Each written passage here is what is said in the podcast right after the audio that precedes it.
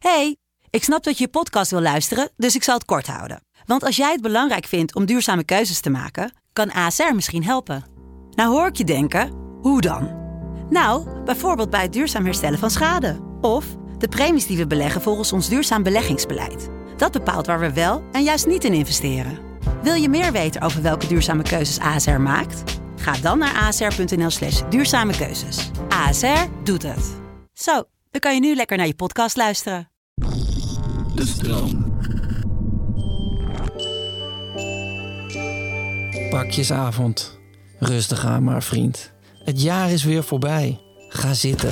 Lach je mensen toe. Schaalt je nootjes erbij. Kijk ze knikken.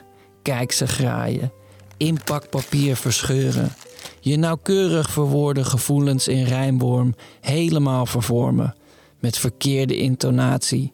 En een lach op een onjuist moment. En een klemtoon die net anders klemt.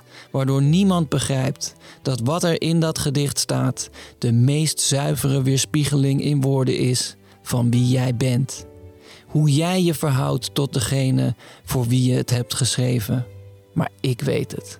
En jij weet het. Die sokken in het pakje, waar over vijf minuten niemand meer aan denkt, die doen er niet toe. Die woorden, dat was het geschenk.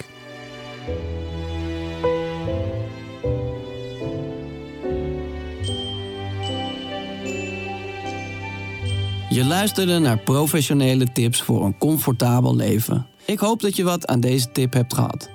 Dat je de boel even de boel hebt kunnen laten. Heb jij zin in nog meer fijne podcast? Luister dan eens naar Vader of de podcast Use and J New Emotions. Geniet.